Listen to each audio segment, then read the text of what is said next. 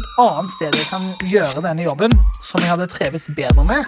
Det er jo ikke det samme å være sykepleier på poliklinikk, på nyfødtintensiv eller på helsestasjon eller i bedriftshelsetjeneste. Wow. Sykepleierutdanningen. Den åpner helt sinnssykt mange dører. Nå kommer det et lite stikk.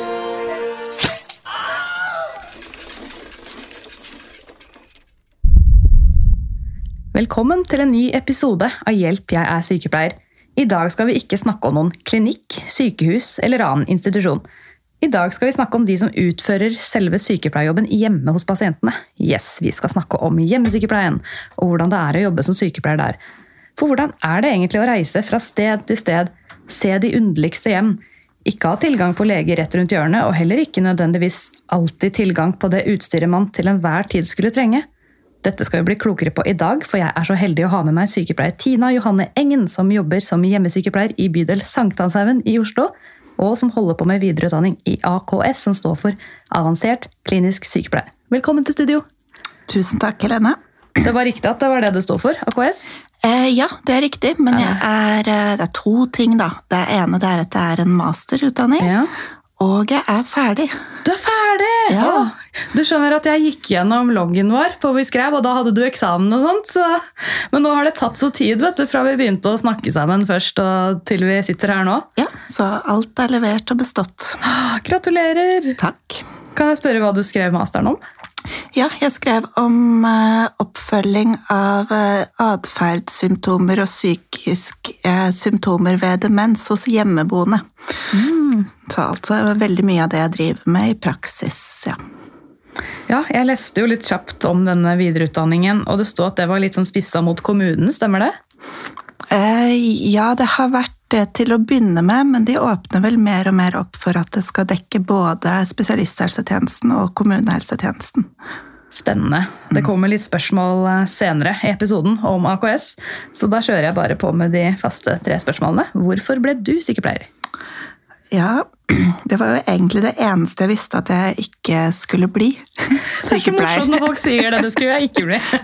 Det var det eneste jeg visste på videregående, at det skulle jeg ikke bli. Hvorfor ville du ikke bli det først? Nei, det var blod, og det var sprøyter, og det var altfor skummelt.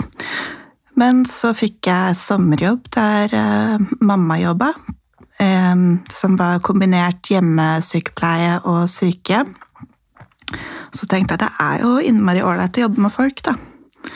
Så begynte jeg å studere på universitetet, eh, men hadde hele tiden jobb i hjemmetjenesten ved siden av. Og så ble det mer og mer jobb i hjemmetjenesten og mindre og mindre studier. Så tenkte jeg ja, ja, det får vel bli, da, sykepleie. Så ble det det. Ja. Når ble du ferdig sykepleier? Var ferdig i 2013. 2013. Mhm. Hva ville du blitt hvis du ikke skulle bli sykepleier? Og jeg tenkte på både lærer eller bibliotekar eller noe sånt, var det jeg tenkte på eh, når jeg var så bestemt på at det var sykepleier jeg ikke skulle bli, da. Ja. Så det, jeg vet ikke. Kunne jobba med noe kreativt, det ville nok vært viktig. Så det er ja. Hva skulle du ønske at noen hadde fortalt deg om sykepleieryrket før du ble sykepleier? Ja, det har jeg tenkt, eh, tenkt lenge på siden du sendte over spørsmålet. Det var det vanskeligste spørsmålet de å svare på. Ja. Men så tenkte jeg på det at på vei hit nå at jeg visste jo veldig mye om hvilke oppgaver sykepleierne gjorde når jeg ble sykepleier, men jeg tror ikke jeg visste hva sykepleie var. Det skjønte jeg først et godt stykke ut i studiet, hva sykepleie var for noe. Og hva er egentlig sykepleie, hvis du vil definere det? Det er jo ivaretakelse av grunnleggende behov, da. Ja. Det er noe mer enn bare oppgavene sånn hver for seg. Det er noe mer, ja. Og grunnleggende behov, det er jo så mangt. Ja. Ja, Da kan man gå inn på Maslows behovspyramide og åndelig og bla, bla, bla behov, men det har ikke tid til nå. Skal vi snakke litt om jobben din, da? Hva er egentlig hjemmesykepleie? Det er jo pleie- og omsorgstjenester som skjer utenfor institusjon. Og da altså hovedsakelig brukeres hjem, da, som jeg går og besøker. Og så har vi jo sett en gradvis økning mot at det blir mer og mer behandling og medisinsk behandling også i hjemmet. Og at den blir mer avansert, den behandlingen vi gir, da. Så vi ser helt klart en sånn dreining samt Det er selvfølgelig ivaretakelse av pleie og omsorg fortsatt, men det blir mer og mer avansert behandling vi også gir hjemme. Ja. Er Samhandlingsreformen et stikkord der? Helt klart. Ja. ja. Ja. Ehm, Så tror jeg mange blander hjemmesykepleie og hjemmehjelp. Vil du bare kort eh, avklare forskjellene der? Ja, hjemmesykepleie er, er, det jo egentlig bare Eller det er jo det vi sykepleierne gjør, da.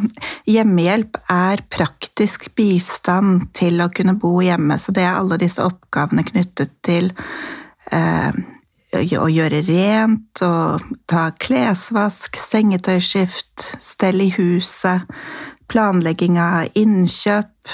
Ja, den biten der er på en måte den praktiske bistanden som skal til for å kunne bo, eh, bo hjemme. Ja. Mm, og der jobber ikke sykepleierne. De jobber i hjemmesykepleien. ikke De sant? Hvor det er pleie, medisiner, alt det der. ja. Mm. Hvordan er hjemmesykepleien organisert? Hos oss i bydelen der jeg jobber, så er det organisert sånn at vi er delt i geografiske områder, som er delt videre i mindre team. Um, og hos oss så har vi mottak, både mottak og vurdering av nye brukere, hverdagsrehabilitering, hjemmesykepleie, eh, i samme, sammen med praktisk bistand i samme gruppe. Sånn at selv om vi er eh, selv om ikke sykepleierne utfører praktisk bistand, så er de en del av på en måte teamet hos oss. da. Mm.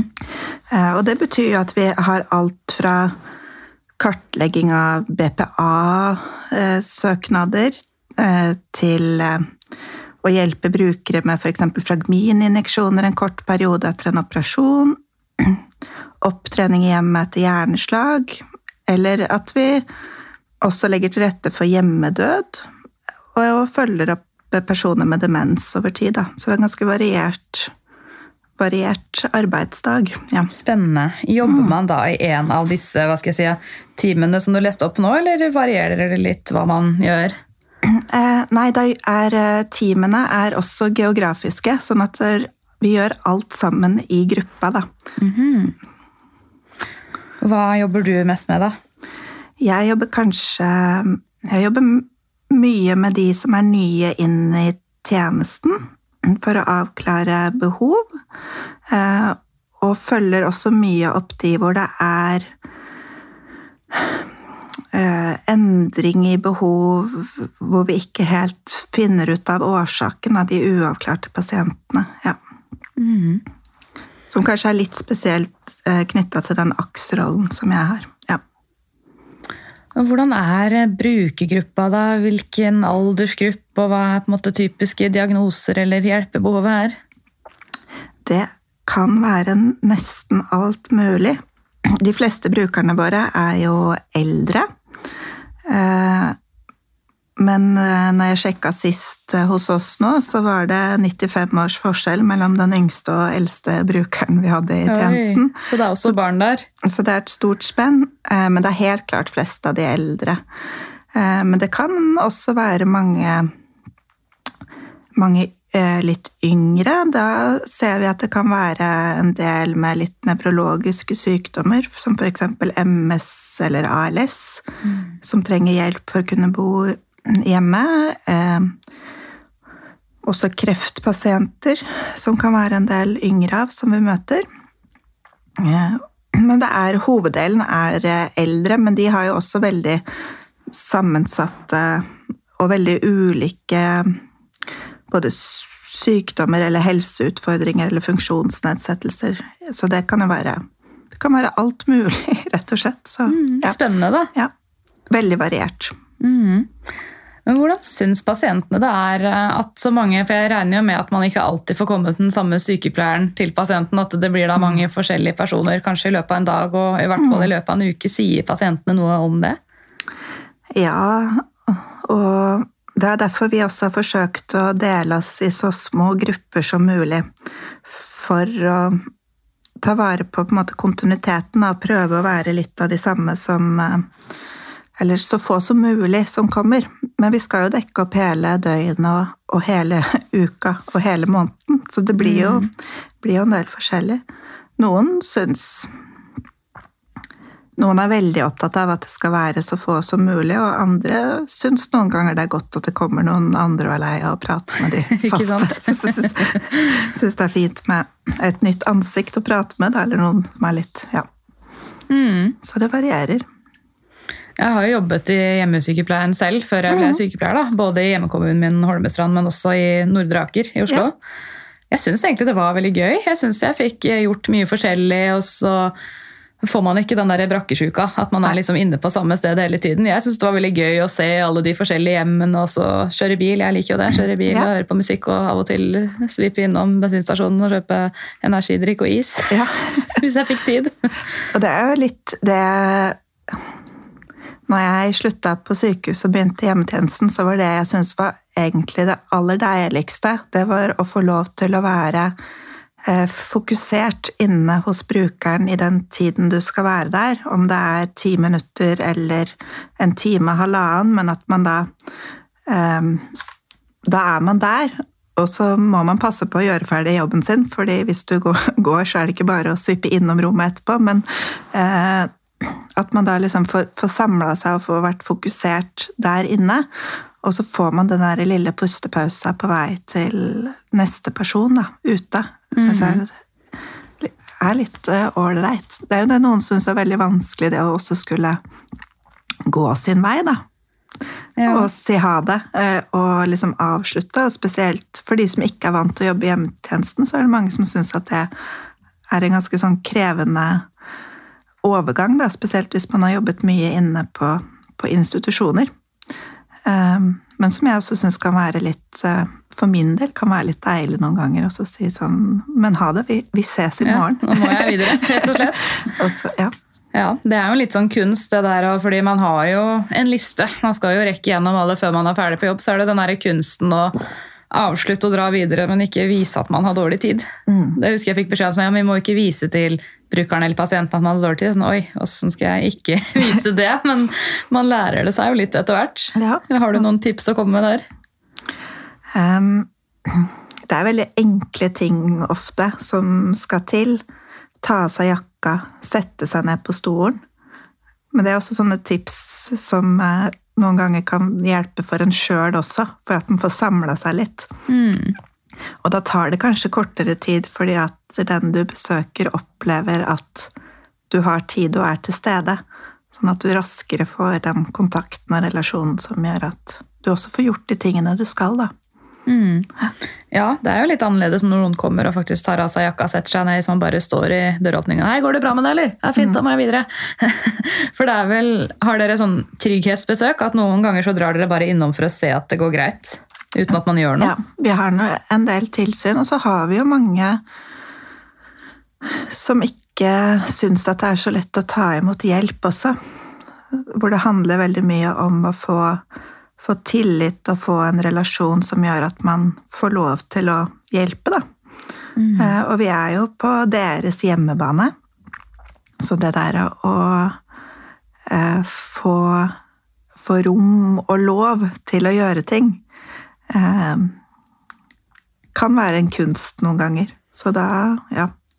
Ja, Er det noen, som noen brukere som er litt sånn 'nei, ikke rør det der', eller 'ikke sett den der'? Litt sånn Vil Det ha det sånn de er vant med? Ja, det kan det absolutt være, og det er eh, Ja. Og vi har jo mange som bor hjemme med, med demens, som ikke kanskje helt skjønner at de trenger hjelp alltid.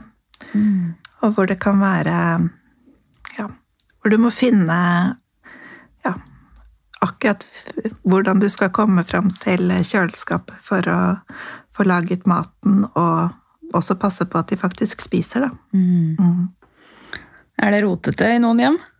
Helt klart. Ja. Så det er um, Og det er jo noe av det som er litt spesielt med det der å få på seg Vi har en sånn blå uniform, da, som sånn sykehuspush, bare den er blå. Um, men det er noe spesielt med å ta på seg den blå uniformen, og så får man, får man lov til å komme bak alle de dørene, da, og inn i liksom det mest uh, private. Um, og det er jo mange som ikke har hatt besøk på mange år. Er det Eller- noen som bare slipper inn dere og ingen andre? Ja, det er noen av de. Og det er jo noen hvor vi også kanskje har jobbet lenge for å få lov til å komme inn, da.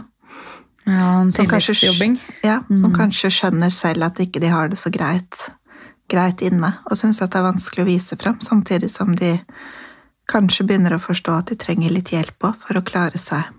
Klare seg. Når du er inne på det med hjelp, hva er det de trenger hjelp til, disse pasientene? Hva gjør dere i løpet av en arbeidsdag? Um, ja, hva gjør vi? Vi gjør alt mulig, egentlig. eh, Det korte svaret, men eh, det kan oppfølging av personlig hygiene, av medisiner. Går mye i medisiner. Um, Multidose og dosetter? multidose og dosetter, men også inhalasjonsmedisiner og injeksjoner. Mm, oppfølging av diabetes, både med blodsukkermåling og setting av insulin. Eh, stomier, katetre. Ehm, ja. Vi har noen som har dialyse hjemme. Vi har noen som har eh, Ikke akkurat nå, men eh, vi har hatt nylig med væske- og ernæringsbehandling, både i VAP og i PICK-line, nefrostomistell. Hickman-kateter har vi hatt nylig. Eh, ja. Ernæring i PEG, ernæring i nasogastrisk sonde. Vi har hatt Plaurex med tapping av asites. Oppfølging av hjemmeoksygen. Ja. Mye sårstell og kompresjonsbehandling. Ja. Så ganske sånn stort eh, spekter. Det er mye forskjellig. Jeg leste en sånn artikkel en gang om at hjemmesykepleien de bare fikk masse nye pasienter med alle mulige kateter og pumper som man kanskje ikke hadde fått nødvendigvis opplæring til på forhånd. og bare ok, nå må jeg bare google åssen jeg gjør det her. Har du vært borti noen sånne situasjoner? Eh, ja, det Ja. jeg. Og så er det noen ganger det også skjer litt sånn eh, Ja, litt kluss i vekslingene, da. Ja. Eh, og hvor kanskje, kanskje sykehuset har registrert feil adresse, så det har vært planlagt en hjemreise til en annen bydel. Og så Oi. oppdager de på dagen han skal reise etter Å nei, var ikke Han skulle til et helt annet sted. Og så står man der plutselig med både det ene og det andre utstyr som er helt nytt, som da man skal finne ut av og løse, da. Men det har jo kommet nå de siste årene så har det jo kommet veldig mye bra sånne nettressurser på, på opplæring. Men vi er jo også på Når vi har litt mer tid å ha forberedt oss, så er vi ofte på opplæring hvis det er noe helt nytt på Så er vi inne på poliklinikk eller på sykehusavdelinger og får, får opplæring hvis det er noe nytt utstyr som skal som ikke vi har kjent med fra før. Ja, Så bra, fordi det er jo et av spørsmålene til Q&A, hvordan dere holder dere oppdatert og får dere opplæring og undervisning. Ja, da er det jo de inne på sykehusavdelingene når det er noe nytt og litt spesielt, hvor vi kan være der. Og da er det jo ikke alle fra tjenesten som får dratt, men det er noen som drar, og de som gir opplæring videre. Så prøver vi å sende litt på eh, fagdager, undervisninger som arrangeres. Eh, også sentralt i Oslo. Ehm, skal vi se jeg hadde skrevet noe om det, men jeg glem, finner det ikke igjen. Um, Fort gjort. ja. uh, jo, uh, at vi er på de opplæringer og undervisninger på sykehus når det er behov for det. Vi har hatt fagsamlinger den høsten her, hvor vi annenhver onsdag har vært samlet til internundervisning. Uh, som har både vært med interne og eksterne i bydelen hos oss. Har også hatt noen faglunsjer med ernæringsfysiologen som jobber i bydelen hos oss. Um, og ja, noen av sykepleierne hos oss er med i det som heter Palliativt nettverk, som organiseres fra Lovisenberg Lindring og Livshjelp. Eh, Så får litt oppdateringer der, og har med seg tilbake til tjenesten. Så ja, vi prøver å være liksom litt koblet på noen av disse ressursene som som finnes, da.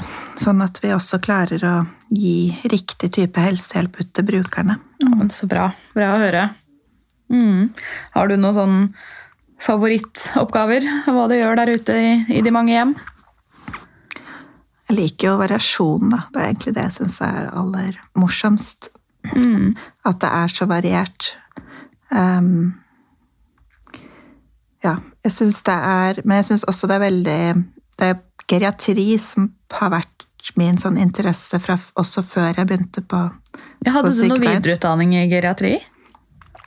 Nei, eh, men jeg gikk på eh, Nå har jeg blitt AKS, men jeg begynte på studiet som het avansert geriatrisk sykepleie. Eh, men det har blitt en del av den AKS eh, Ah, for jeg snoka litt på Facebook-profilen, Ja. og da sto det noe om det med eh, geriatri. geriatri. Ja. Mm. Så det er, eh, men avansert geriatrisk sykepleie har nå blitt på en måte en del av den avansert klinisk sykepleie. Ja, for nå er det ikke liksom bare om geriatri lenger, nå er det litt mer bredt. Ja. Er det sånn? Mm. Mm. Spennende. Har dere sånn eh, at noen brukere har en kontaktsykepleier? Sånn at det er noen som måtte ha litt ekstra ansvar for den Ja. pasienten? Så alle brukerne også skal ha en tjenesteansvarlig.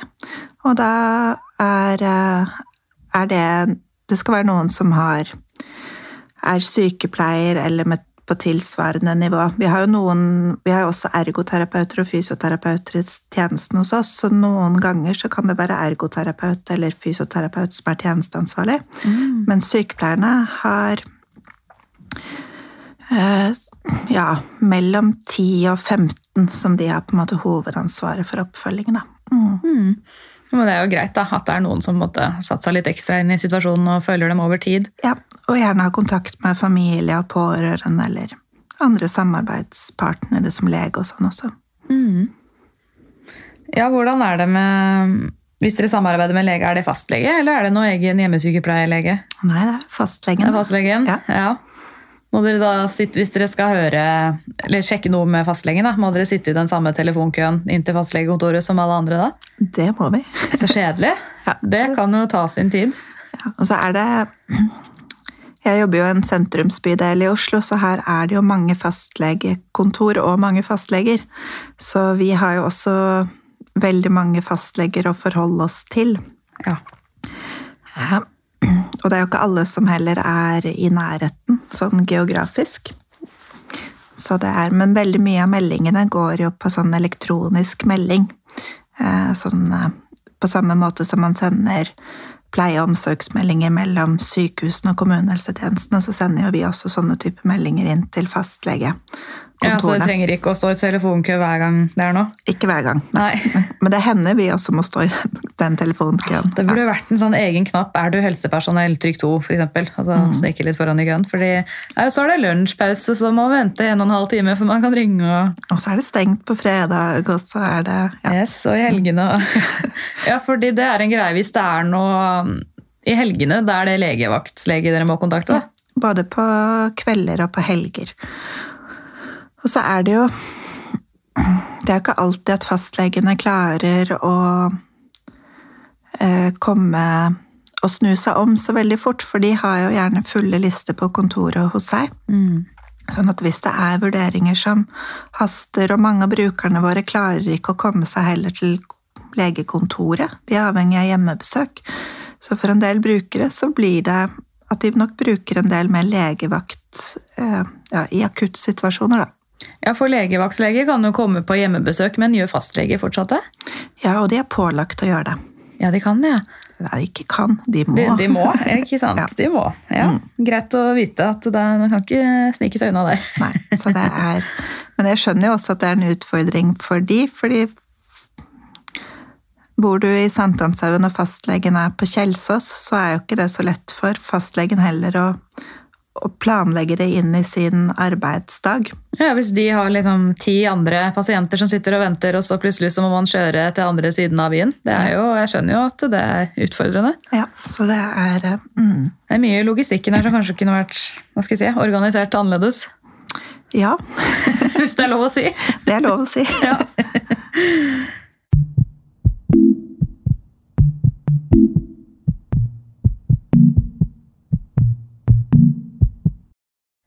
Ok, men eh, det hender vel at dere har eh, sykepleierstudenter hos dere i praksis? Det gjør det. Er du ofte veileder? Eh, Det er en stund siden jeg har vært veileder sist. Og det har nok vært litt fordi at jeg Du har vært student selv, si. Jeg har vært student selv, ja. Mm. Og så har jeg vært i litt forskjellige roller på avdelingen hos oss det siste året også, så det er Men jeg har hatt mye med sykepleierstudentene å gjøre allikevel. Mm. Mm. Hva er det du tar dem med på da? Um, det kan være besøk ute hos brukere og kartlegginger som skal gjøres. Um, eller det har vært mye veiledninger inne på kontoret knytta til brukersituasjoner. Ja. Mm. Fordi Vi hadde jo en sånn forsamtale på telefonen, og så sa du at veldig mange studenter er sånn Å, er det ikke noen kule prosedyrer jeg kan gjøre? Så glemmer man litt eh, den grunnleggende sykepleien. ja, og det Eller at man ikke kanskje skjønner hvor avansert mange av de Det som ofte ses på som litt sånn enkle oppgaver, hvor avansert det faktisk kan være, da. Um, Det siste året har vi jobba, eller kanskje halvannet år, har vi jobba veldig mye med å få systematisert ernæringsarbeidet til de som bor hjemme. Um, og det tenker jeg er et sånn godt eksempel på det, for det er sånn så en oppgave som ofte kan bli litt sånn sett ned på som litt sånn bagatellmessig, eller som ja, men det kan hvem som helst Ja, gjøre. liksom, typ, trenger man treårig høyskoleutdanning for å smøre en brødskive? Ja. Men så er det jo hos de vi besøker, da, når, når, hvis, når de er i risiko for underernæring eller underernærte, eller de går ned i vekt, så er det jo ganske avanserte vurderinger som skal gjøres for å finne ut men, men hva er det akkurat som gjør at du går ned i vekt? Handler det om organisering av innkjøp? Handler det om initiativ til å lage mat? Er det en depresjon? Er det kognitiv svikt? Er du kvalm? Har du bivirkninger av ja, at du har problemer med motorikken? Er det bivirkninger av medisiner? Er du obstipert? Ikke du, mangler du tenner som gjør at ikke du klarer å tygge eller har vondt i munnen? Det er jo ikke sånn at vi kommer til pasienter, og så sier de sånn Hei, jeg har gått ned i vekt fordi Og så kommer de med et ferdig svar. Og da er det jo også vår opp, oppgave som sykepleiere å kartlegge Men hva er det som er er årsaken akkurat her, og hvordan eh, lager vi tiltak som møter faktisk de aktuelle årsakene? Eh, Ja, der er du inne på noe. For en ting du sier kartleggingsfasen, kartleggingfasen, finne årsak, det er én jobb. Og så tiltakene. Hvordan skal man da få denne pasienten opp i vekt? Hvilke pålegg skal man ha på som er næringsrike? Kanskje har pasienten allergier, og hva er det pasienten egentlig liker og ikke liker å spise? Og hva, hvordan får vi maten i hus? Ja, ikke minst. Ja. Um, eller er det andre Er det sykdommer som ikke er avdekka? Det kan det jo være. At de har kanskje en diabetes som har utviklet seg, men som ikke har blitt oppdaget. Eller som vi også dessverre har oppdaget i mange tilfeller, at det kanskje er en kreftsykdom som har utviklet seg.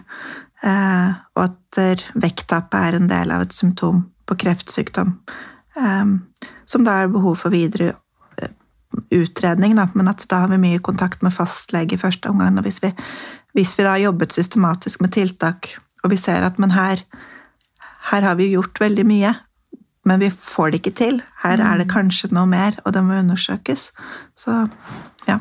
Har du vært med på det at dere har funnet at det var noe mye større underliggende enn at pasienten bare hadde dårlig appetitt? ja. Og, veldig, og det skjer veldig mange ganger med, med eldre, og det er jo det at de har eh, Man ser det kanskje på at de går ned i vekt, at de ramler litt, at de ikke gjør så mye i huset som før, at de slutter å gå ut. Og så tenker jo mange, eller at kanskje surrer litt mer enn tidligere.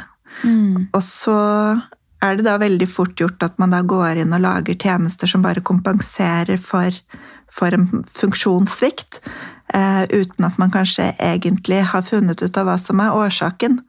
Og der kan det jo være veldig, veldig mange ting, og det eh, både at det har vært en kreftsykdom som ikke har blitt oppdaget, at det har vært en hjertesvikt som ikke har blitt fanget opp fordi man eh, kanskje har justert på aktivitetsnivået, så man har ikke noe tungpust for at man sitter mest i lenestolen sin. Eh, diabetes har vi vært borti. kols, som ikke har vært diagnostisert. Ja. Og Når du hvor, forteller meg alt det her, det bare Nå tror jeg kanskje det går opp for mange som hører på hvor utrolig viktig det er at de som drar hjem til disse pasientene med dårlig appetitt, hvor viktig det er at man har en utdanning, at man har kunnskap, at man liksom kan anatomi og fysiologi og sykdomslære for å liksom se det store bildet. Da. At det er liksom ikke bare å plukke opp en, eh, si, en 16-åring og du kan bare gå inn der, det er bare en brødskive med salami. Det er så mye mer enn det, da. ja, det er det. Det er, og det er et uh, veldig behov for den kompetansen uh, ute i tjenestene da, og ute hos brukerne, sånn at de Og det at man har da syk og det er det som kanskje skiller også mye sykepleiernes oppgaver fra, fra andre som jobber i tjenesten, for det jobber jo veldig mye helsefagarbeidere eller hjelpepleiere og også, også assistenter, men at sykepleierne har jo da veldig mye ansvar for å lage eh, planene som de andre skal følge, men da må det jo også være riktig tiltak som er satt i gang, da, for det hjelper jo ikke å smøre brødskive hvis du ikke kan tygge, Nei, tygge brødskiven. Ja, stakkars. Så det er eh, ja. Skjære av skorpene. Jeg husker jeg gjorde mye av det. Ja, og det kan jo hende at det er akkurat det de trenger, men, eh, men da må det være det som er det du trenger, da. Mm. Mm. Du fortalte meg at dere hadde sånn ca. 50 eh, organisert brukertid og 50% administrativt arbeid. Ja, vi er De siste Nei, skal jeg begynne på nytt. Eh, Oslo kommune har de siste årene jobbet med det som de kaller for tillitsmodellen.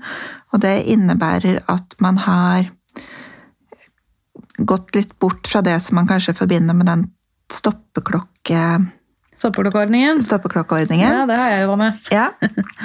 Hvor det var liksom veldig saksbehandler som fatta vedtak på akkurat hvilke oppgaver man skulle få hjelp til, og hvor mange minutter den hjelpen skulle ta. Eh, Og nå så er det litt rundere formuleringene i vedtakene, og så er det sykepleierne sammen med gruppa som da justerer tiltakene og på en måte hvor mye man estimerer av, av tid da, som det tar. Um, Syns du det fungerer greit? Ja, eh, det gir eh, Det gjør at vi raskere klarer å tilpasse oss til brukerens behov, både med at de får raskere mer hjelp når de trenger det, men at vi også raskere endrer og justerer ned på behovet når de kanskje klarer seg bedre igjen. Eh, Men det er jo da sånn at vi er jo fortsatt vi, vi er fem stykker på kveldsvakt, så det er jo vi da som også må fordele den tiden. For vi blir jo ikke mer enn fem. Nei. Og det er det som er eh, Man får muligheten til å prioritere, men når man prioriterer, så betyr jo det også at man må prioritere ned noen, da. Ja, og så hvis man er ekstravakt, altså vikar, da, så er det kanskje ikke så lett å vite hvordan man skal disponere den tiden når man ikke er så godt kjent med alle brukerne, og hvor lang tid det brukes her og der. Men vi, eh, vi lager det som heter for sånn tiltaksplaner, eh, og der legges det inn et sånn estimat på ca. hvor mye tid vi beregner, men, men det er ikke sånn at vi står og ser på klokka der har jeg brukt 17 minutter, så nå må jeg, nå må jeg gå. Mm. men, men det må vi også ha noe sånn cirka tid når vi skal planlegge, for å få ja, dagene til å gå opp, da. Ja. Ikke sant? Da jeg jobba i hjemmesykepleien i Nordre Aker, da brukte man det stoppeklokkesystemet. Da Mm. satte man liksom på når man gikk inn, og så brukte man den tiden man trengte, og så stopp etterpå. Ja. Så fikk man liksom kartlagt cirka hvor lang tid brukes det her og der. Jeg syns egentlig det fungerte greit på det stedet der og da. Mm. Det begynner å bli noen år siden, men så har det jo vært mye i media. Stoppeklokkeordningen må bort, dette Ja. er helt forferdelig. Og, så det, det er ikke alle som liker det, da, men Nei. jeg syns det fungerte greit Ja. den tid den gang. Ja, og vi gjør jo det samme. Vi har sånne arbeidstelefoner som heter LMP-er, hvor det står hvilke bruker vi skal til, og hvilke oppgaver som skal gjøres. Og da trykker vi også på start når vi går inn, og så trykker vi på stopp når vi går ut. Og da journalfører vi samtidig. Ja, det, gjør vi òg på på ja. de telefonene. Jeg syns det var ganske eh, Ja. greit.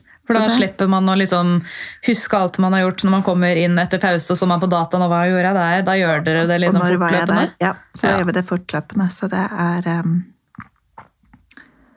Nå spurte du egentlig om noe annet enn det jeg svarte på. Ja, jeg spør om mye. Ja. Prater meg bort. Hva var det jeg spurte om, egentlig? om hvordan Jo, jeg spurte om det med administrativt arbeid. Ja, Hva Ja. er det administrative? Så selv om vi har da tillitsmodellen, så, så sier vi på en måte at vi skal ha ca. halvparten av arbeidsdagen vår skal være sånn ansikt-til-ansikt-tid med brukeren, med, med det de trenger hjelp til for å kunne bo hjemme. Og så er det jo på den andre halvparten av tiden så skal vi transportere oss mellom brukerne.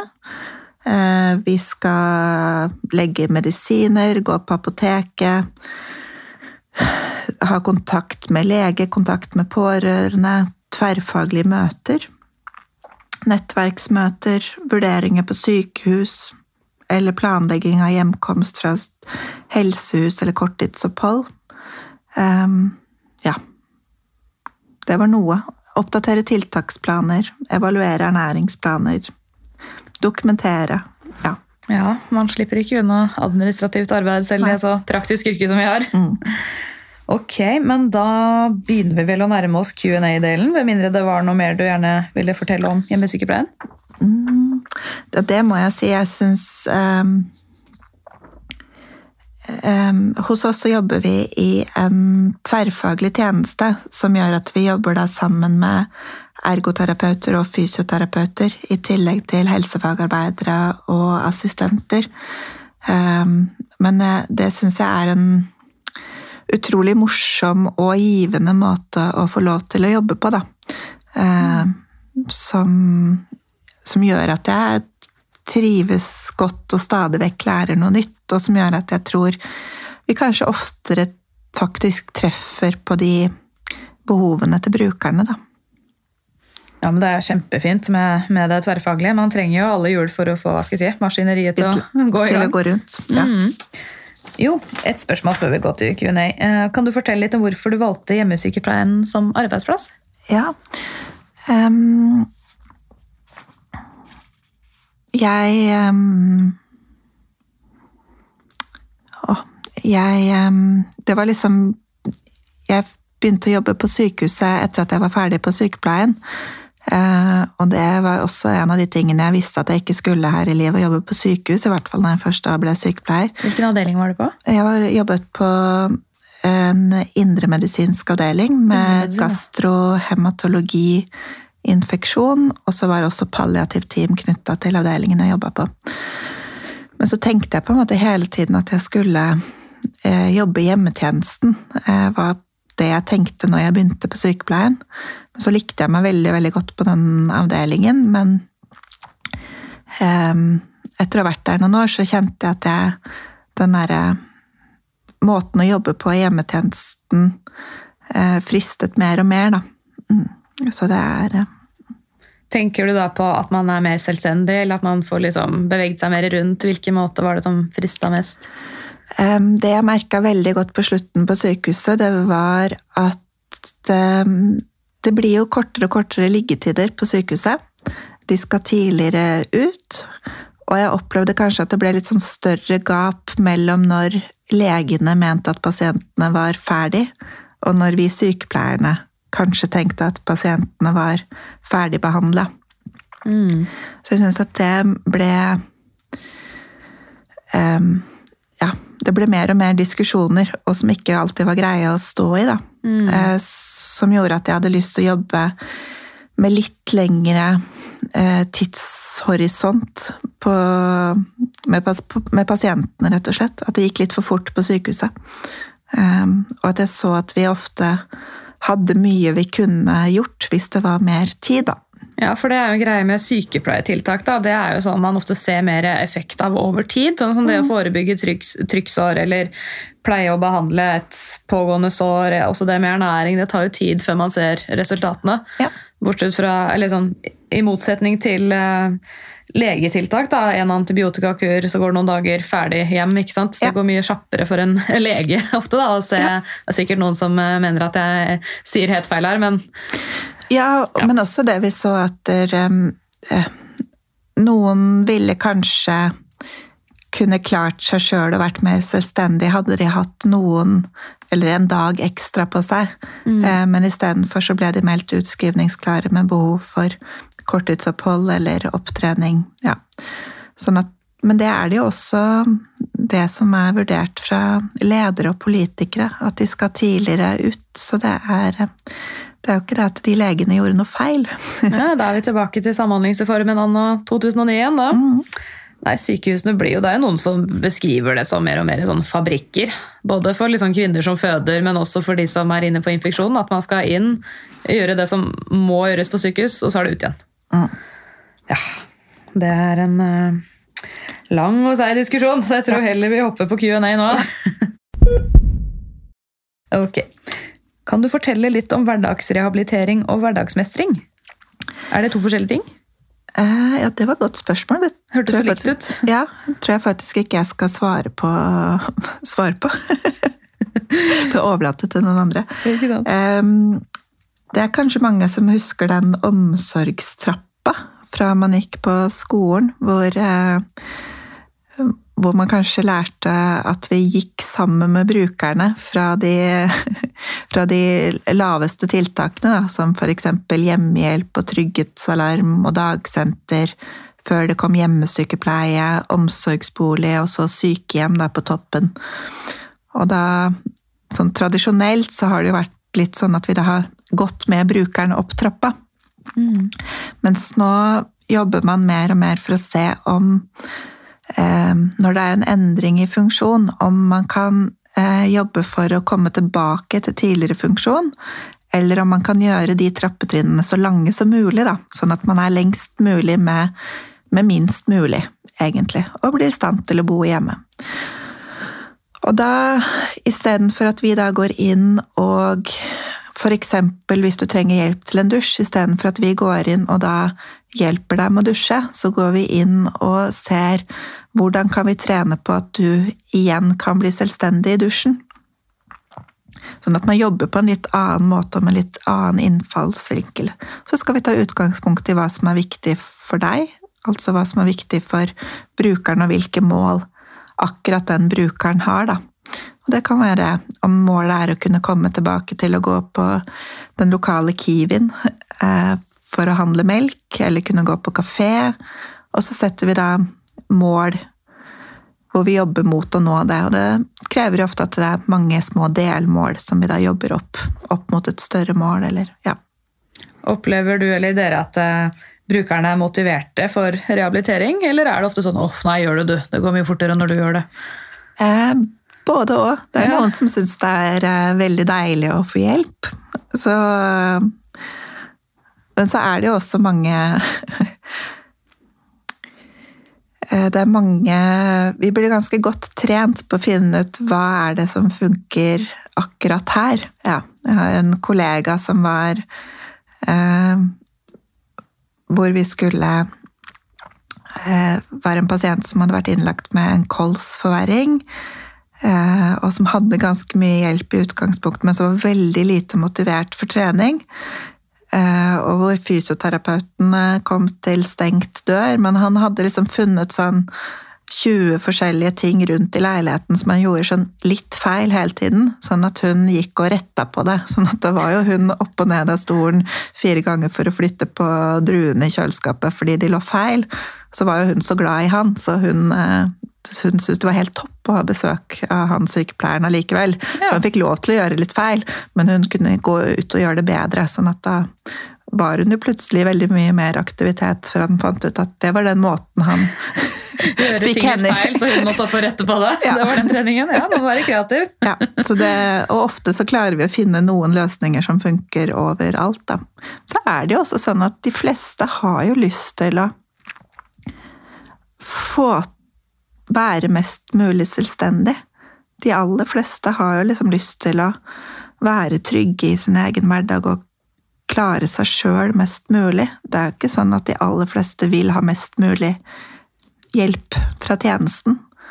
Mange syns det er innmari deilig når de først kjenner seg trygge da, i dusjen for eksempel, og de kan dusje syv dager i uka om de har lyst til det, og ikke bare én gang i uka som de får tilbud fra oss. Ja, det beste er jo hvis man får til mest mulig selv. Det er også sånn på urologisk avdeling. Det er sånn, ja, vi kan legge inn et permanent kateter for deg hvis du ikke vil engangskatetrisere deg. Men hvis du lærer å engangskatetrisere deg, så er det mye lettere å for være seksuell aktiv. da, Så slipper du å ha det kateteret inneliggende hele tiden.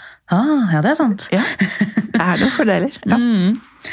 Men ja, jeg skal snart videre til neste spørsmål, men akkurat det der å få pasienter til å klare mest mulig selv, det husker jeg lærte allerede da jeg var helsefagarbeiderlærling. at ja, man kan på en måte være den snille pleieren i anførselstegn og gjøre alt for pasienten, men da mister de jo etter hvert sine egne funksjoner, og så blir man helt pleietrengende. Ja. Så det er liksom litt omsorg i det å være litt streng og nei, du må faktisk gå og ta det glasset med vann selv fordi du klarer det. Hvis vi gjør alt, så mister de jo ja, muskelkraft og alt, da. Ja, og så er det det å ha med noen på kjøkkenet når man skal lage mat, da. Om ikke de kan gjøre alt sjøl, så kan de kanskje stå og se i kjøleskapet hva de har lyst på. Det er sånne Det høres ut som veldig små ting, men som allikevel kan bety ganske mye både for aktivitet og for at man får den maten man faktisk Ja, som frister, da. Ja. Mm. Så føler jeg at det ligger litt sånn gammeldagse holdninger, i hvert fall de litt eldre pasientene. sånn Nei, du må gå og hente det til meg. Nei, du må gjøre det for meg. Og på sykehus, men du, kjære deg, det er ikke helt sånn. Du er ikke på hotell, for det første, og du må, dette er trening i at du skal gjøre mest mulig selv. Det er å være, det er ikke fordi jeg ikke vil gjøre det for deg, så jeg må liksom forklare meg litt noen ganger. Ja, og det er jo Når brukerne skal hjem, så skal de jo eh, bare det at man kommer hjem, gjør at de må gjøre så utrolig mye mer enn det de gjør inne på sykehus eller på helsehus. fordi bare det å være i hjemmet uten at det er noen til stede 24-7, det gjør jo at du blir mye mer sånn utfordra på aktiviteter, da. For det, det er eh, Bare det å gå på do alene kan jo være slitsomt for noen, men det er jo en fordel å klare å gå på do alene hvis du bor alene. Absolutt, men det er også litt sånn morsomt når vi da no, eh, hadde for litt siden en som kom eh, trillende i rullestoltaxi fra sykehuset, sånn pakka inn i, i liksom pledd og eh, Ja, og satt i rullestol i drosja. Og så er det første hun skal gjøre når hun kommer ut av den drosjebilen, det er å gå opp eh, ikke en lang trapp, men en liten trapp, og gå inn i leiligheten. Eh, og da er hun på en måte veldig mye mer mobilisert enn det hun kanskje har vært på hele det sykehusoppholdet. Bare i løpet av den første halvtimen. Ja, ja, ja. da er det maraton plutselig. Ja. Mm. Men så er det også veldig morsomt når de sier at der, Men det er jo Tenk at jeg kunne få, få alle disse hjelpemidlene her hjemme. Det gjør jo faktisk at da går det jo greit å være hjemme. Og nei, så deilig det er å komme, komme hjem, faktisk. Ja, ja det er viktig med, med hjelpemidler.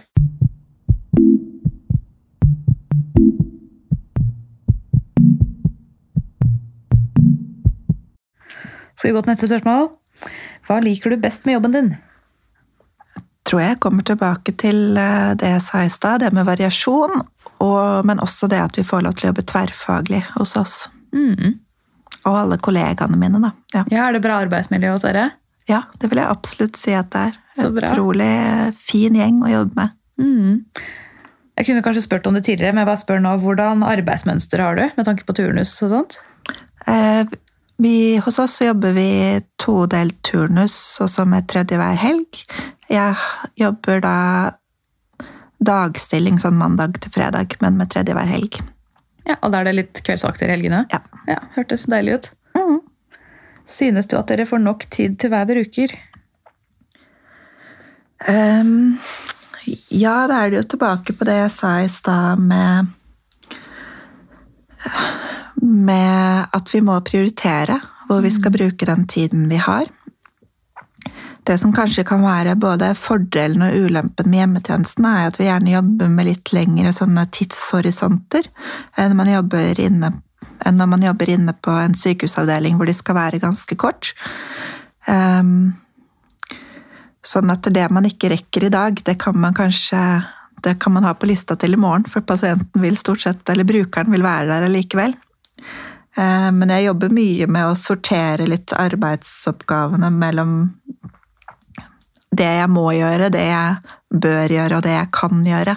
Ja, sånn at det er Å være litt sånn striks der, fordi at det noen ting må vi gjøre, og det må gjøres i dag, eller det må gjøres i løpet av uka. Men det er mange ting som både bør og, bør og kan gjøres, men som ikke må gjøres. Og da må de også prioriteres ned da, noen ganger. Eller Mm. til den dagen det er ledig tid. Ja. Rett og slett. Hva skal til for å rekruttere flere sykepleiere til hjemmesykepleien, tror du? At man eh, Vi må være gode praksisplasser for sykepleierstudentene. eh, Og vise dem hva det kan være å være sykepleier i hjemmesykepleien. Det tror jeg er en av de viktigste tingene. Ehm, Så må man få lov til å jobbe som en del av et fagmiljø. At det er, vært, at det er nok sykepleiere på avdelingen, så man ikke blir eh, for aleine med for mye ansvar. Det tror jeg er viktig for at folk skal jobbe der over tid og trives. Ja. Hører Sånn, på denne episoden. Har dere mange sykepleiere hos dere? Eh, ja, vi er på hvert team, så er det vel seks faste sykepleiere og ca. fem helsefagarbeidere, skråstrek hjemmehjelper. Ja.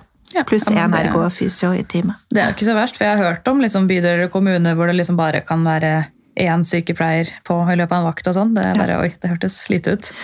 Uh, ja, og nå er jo ikke vi så store grupper, men det hender at vi er på kveldsvakter i helgene, kan være alene som sykepleier, men da er vi også uh, Da er det fem stykker på jobb, og så er det én sykepleier, en erfaren helsefagarbeider.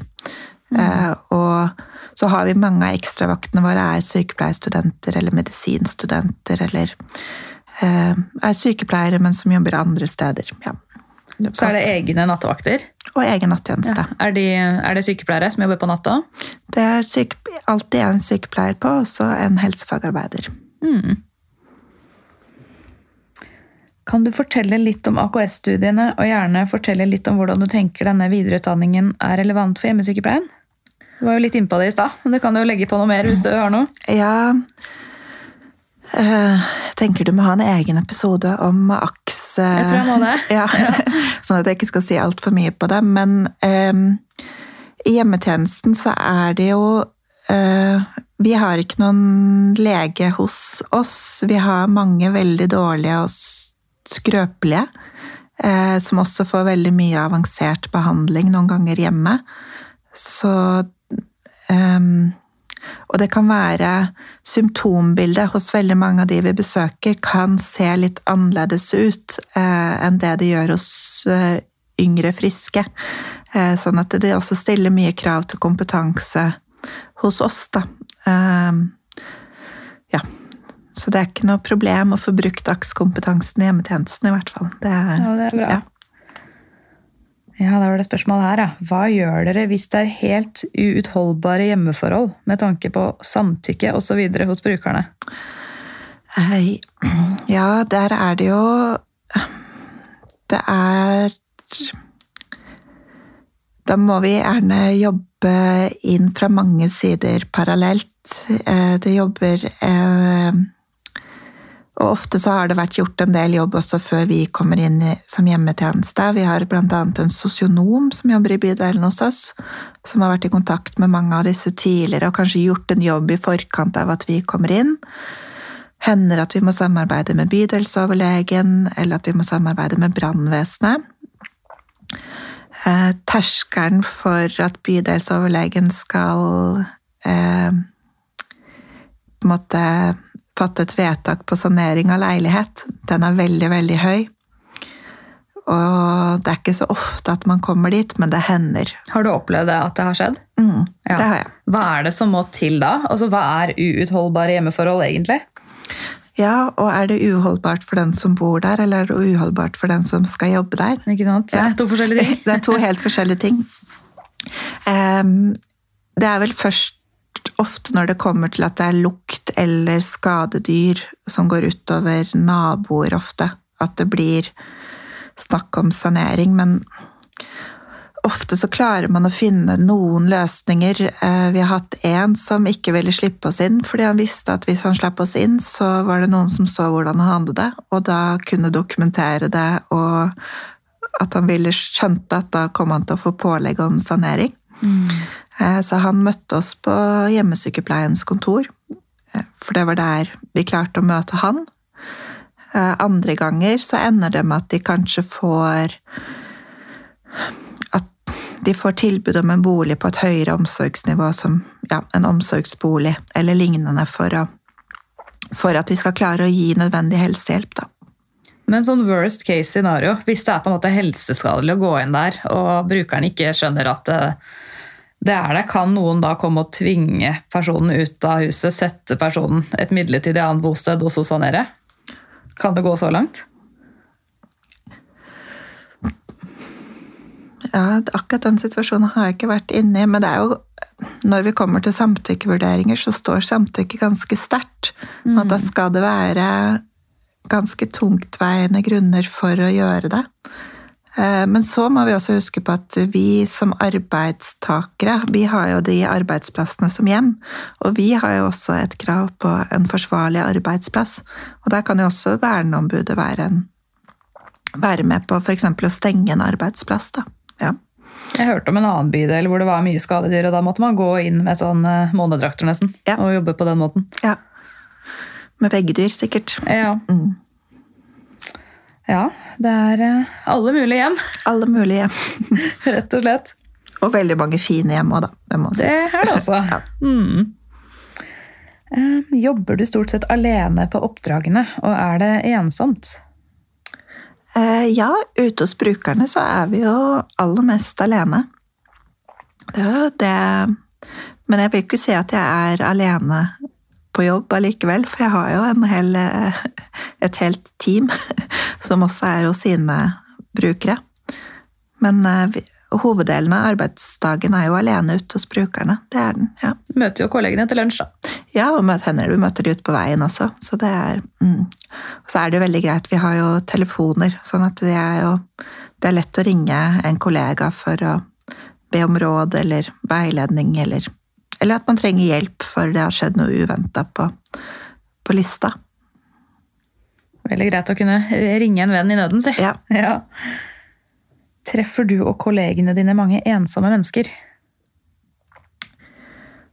Både ja og nei. Det er jo ikke automatisk sånn at de som er mye alene, automat, nødvendigvis er ensomme. Ehm, ja, en av mine gamle holdt på å si favorittbrukere, men en av mine, eh, hun fortalte egentlig veldig godt om det, selv om hun hadde en ganske eh, alvorlig kognitiv svikt på slutten, men hun hadde vært på helsehus etter et fall hvor hun skadet skulderen sin. Hun bodde alene og hadde ikke noen barn, hadde litt besøk av noen, noen venner, og så besøk av oss da fra hjemmetjenesten. Og hun hadde aldri vært så ensom som det hun var på helsehuset, for da var hun i et fremmed miljø. Ja. Og hun eh, fikk det ikke helt til i den der sosiale Eller de sosiale arenaene, da, som i fellesstua eller på felleskjøkkenet. Sånn at hun ble sittende aleine mye på rommet. Eh, Sånn at hun syntes at det var, det var da hun var ensom. Men når hun var hjemme hos seg selv, så hadde hun de kjente tingene sine, og selv om mannen var død, så sa hun at da satt hun og snakket med mannen sin altså på, på bryllupsspillet, så da var hun ikke ensom, selv om vi var innom på jo ganske korte besøk, og hun var alene mesteparten av dagen. Så kjente hun seg ikke allikevel ensom, så det med ensomhet er jo også ganske relativt. Ja. Ja, for det virker som det har blitt en sånn der kollektiv oppfatning av at alle eldre som bor alene, de må jo være ensomme, men ikke nødvendigvis, da, tydeligvis. Og så er det jo noen som kanskje drar på sånn dagsenter, eller får en del Ja. besøk av Ja. pårørende, eller har besøksvenn. Det er jo mange muligheter. Ja, absolutt. Så Men at det er en del ensomme eldre der ute i de mange igjen, det er jo ikke til å stikke under stol. ja. Men det er ikke nødvendigvis flere eh, Det er ikke nødvendigvis de som er mest alene, som er mest ensomme. Og mange har eh, kanskje Det er også veldig forskjellig hvordan man har levd livene sine før. Det er jo ikke alle som har hatt store nettverk eller hatt mange nære personer tidligere heller, som tar med seg det inn i alderdommen. Så det er helt opp til Det er veldig forskjellig hvordan folk opplever det. Ja. Det er sant. Men det med ensomhet er jo et stort problem i Norge. Det er veldig mange studenter som er ensomme òg. Mhm. Så ja, Vi har tydeligvis en jobb å gjøre og ta vare på hverandre her ute. Og det er kanskje flere av oss yngre som har vokst opp med smarttelefoner og sosiale medier, som eh, kanskje er mer utsatt for å kjenne seg ensomme fordi man sammenligner seg så mye med andre. Mens der er det ikke alle av den eldre generasjonen som er like på Ja, som, som, ser hva alle andre driver med hele tiden. Sant. Kanskje ja. vi må lære litt av den eldre generasjonen. Mm. Um, skal vi se. Spørsmål nummer ni. Drømmer du om å organisere hjemmesykepleien annerledes hos dere? I så fall hvordan? Ja um, Jeg må først si at jeg, det at vi får lov til å jobbe i tverrfaglig team hos oss, eh, det er ikke en selvfølge i hjemmetjenesten, så det er i hvert fall noe jeg ville tatt vare på. Mm. Eh, det var litt det jeg nevnte i stad, med at vi har vi har ganske mange fastleger å forholde oss til som en eh, Når vi jobber midt sentralt i Oslo. Så jeg skulle kanskje ønske meg at vi hadde et eh, tettere samarbeid med noen litt færre fastleger. At, at det kanskje var noe knyttet til organisering man kunne sett på der. Om vi også da fikk gitt både klart å kommunisere mer effektivt mellom oss med hjemmetjenesten og fastlegene, men at også noen av de skrøpeligste eldre også kanskje fikk litt mer fastlegeoppfølging. Burde vært en sånn hjemmesykepleie-fastlege. Ja, kanskje det. Mm, kanskje det er fremtidens fastlegeordning for de eldre syke som bor hjemme. Mm. Eh, og så tror jeg også knyttet til organisering, så tenker jeg at man kanskje også burde sett på hvordan samarbeid mellom spesialisthelsetjeneste og kommunehelsetjeneste knyttet til de skrøpeligste eldre og de med mange kroniske sykdommer, om det er andre måter å samarbeide på enn det vi gjør i dag, som kanskje kunne gitt eh, en bedre utnyttelse av ressursene, da. Mm. Mm. Litt mer enn bare PLO? Litt mer enn bare PLO, ja. Skal vi se, Det spørsmålet der har, egentlig svart på, har du egentlig svart på allerede. Det med faglig oppdatert. Det, da kan man bare spole tilbake i episoden hvis man ikke fikk med seg det. Eh, spørsmål 11. Hva lærer AKS-sykepleiere som ikke vanlige sykepleiere kan? Oi, Går det an å svare på det i korte trekk? For nå må vi snart runde av, ser jeg. på klokka. Eh, vi lærer systematiske kliniske undersøkelser kombinert med at vi lærer mye om Eh, kartleggingsverktøy og skjemaer, men alt dette kan jo egentlig også andre lære. Det som kanskje er litt spesielt, er at man lærer ikke om noe knyttet til et spesielt organ eller en spesiell pasientgruppe, men at man lærer noe som er såpass bredt. da. Mm, så det er liksom en fordypning i sykepleien, da, i allmennsykepleie, kan man si det sånn? Ja. ja. Hva tenker du om velferdsteknologi? Bør det implementeres enda bedre i hjemmesykepleien? Uh, ja, det tenker jeg. Um, vi har mye medisindispensere og sensorteknologi som oppdager fall uh, eller aktivitet på natt. Um, vi har også en egen tjeneste i bydelen hos oss som ikke er organisert som del av hjemmesykepleien, men som heter digital hjemmeoppfølging. Der kan brukere med kroniske sykdommer som kols, hjertesvikt, diabetes eller underernæring.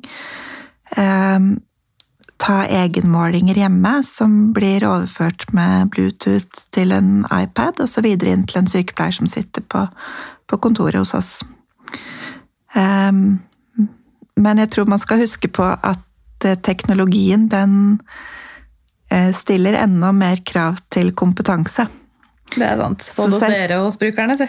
Ja, og setter man ut en medisindispenser som gjør at man kanskje ser brukeren da hver 14. dag istedenfor hver dag, så gjør det at på de besøkene man da faktisk har, så er man helt avhengig av at de blir både utført av noen med kompetanse til å kunne gjøre vurderinger, og man det krever også kanskje enda mer kontinuitet fra tjenesten da, på, de, på, de, besøkene.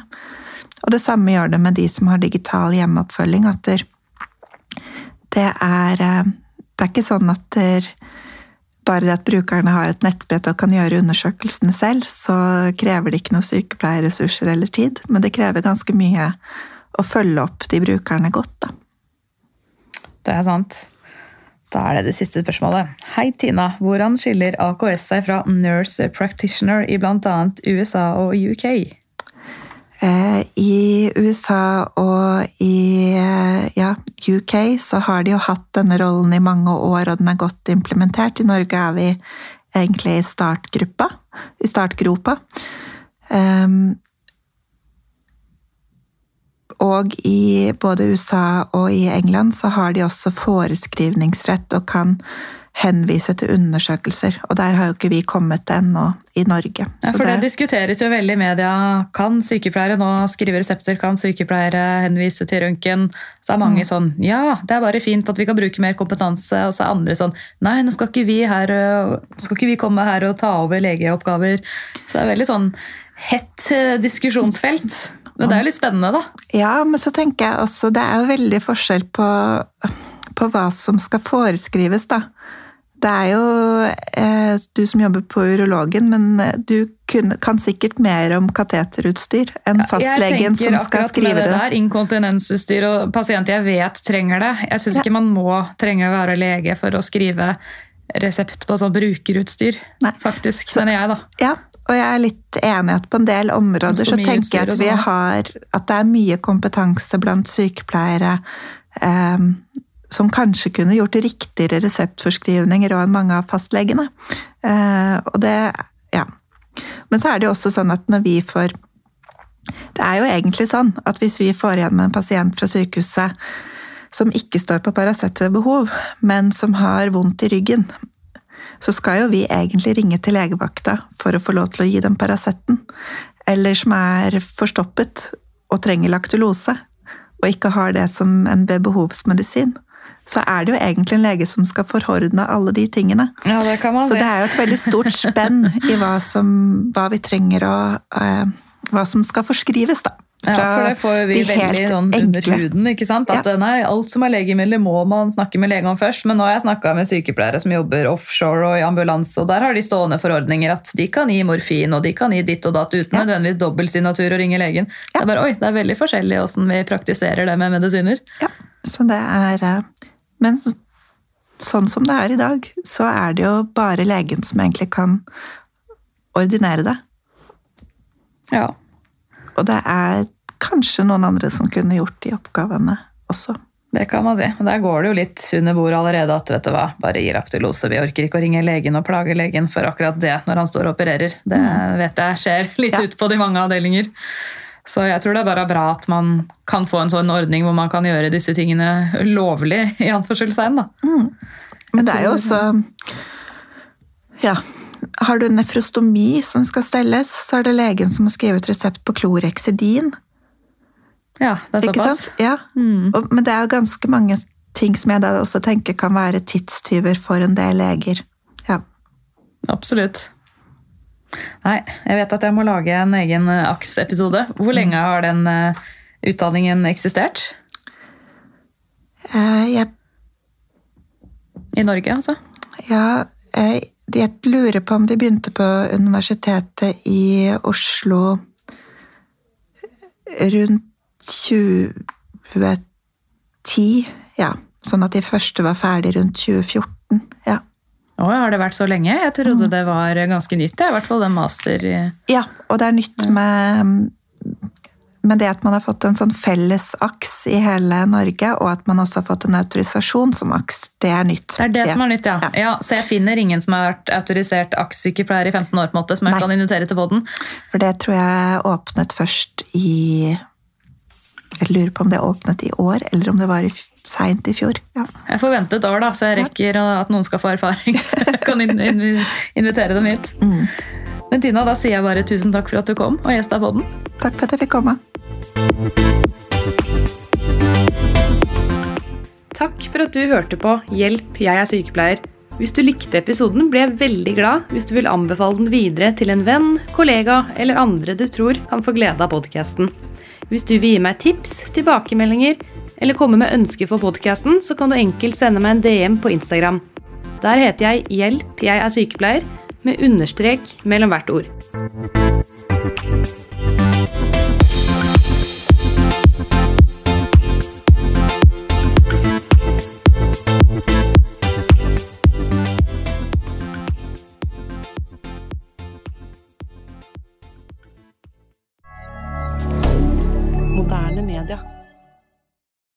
Har du et enkeltpersonforetak eller en liten bedrift?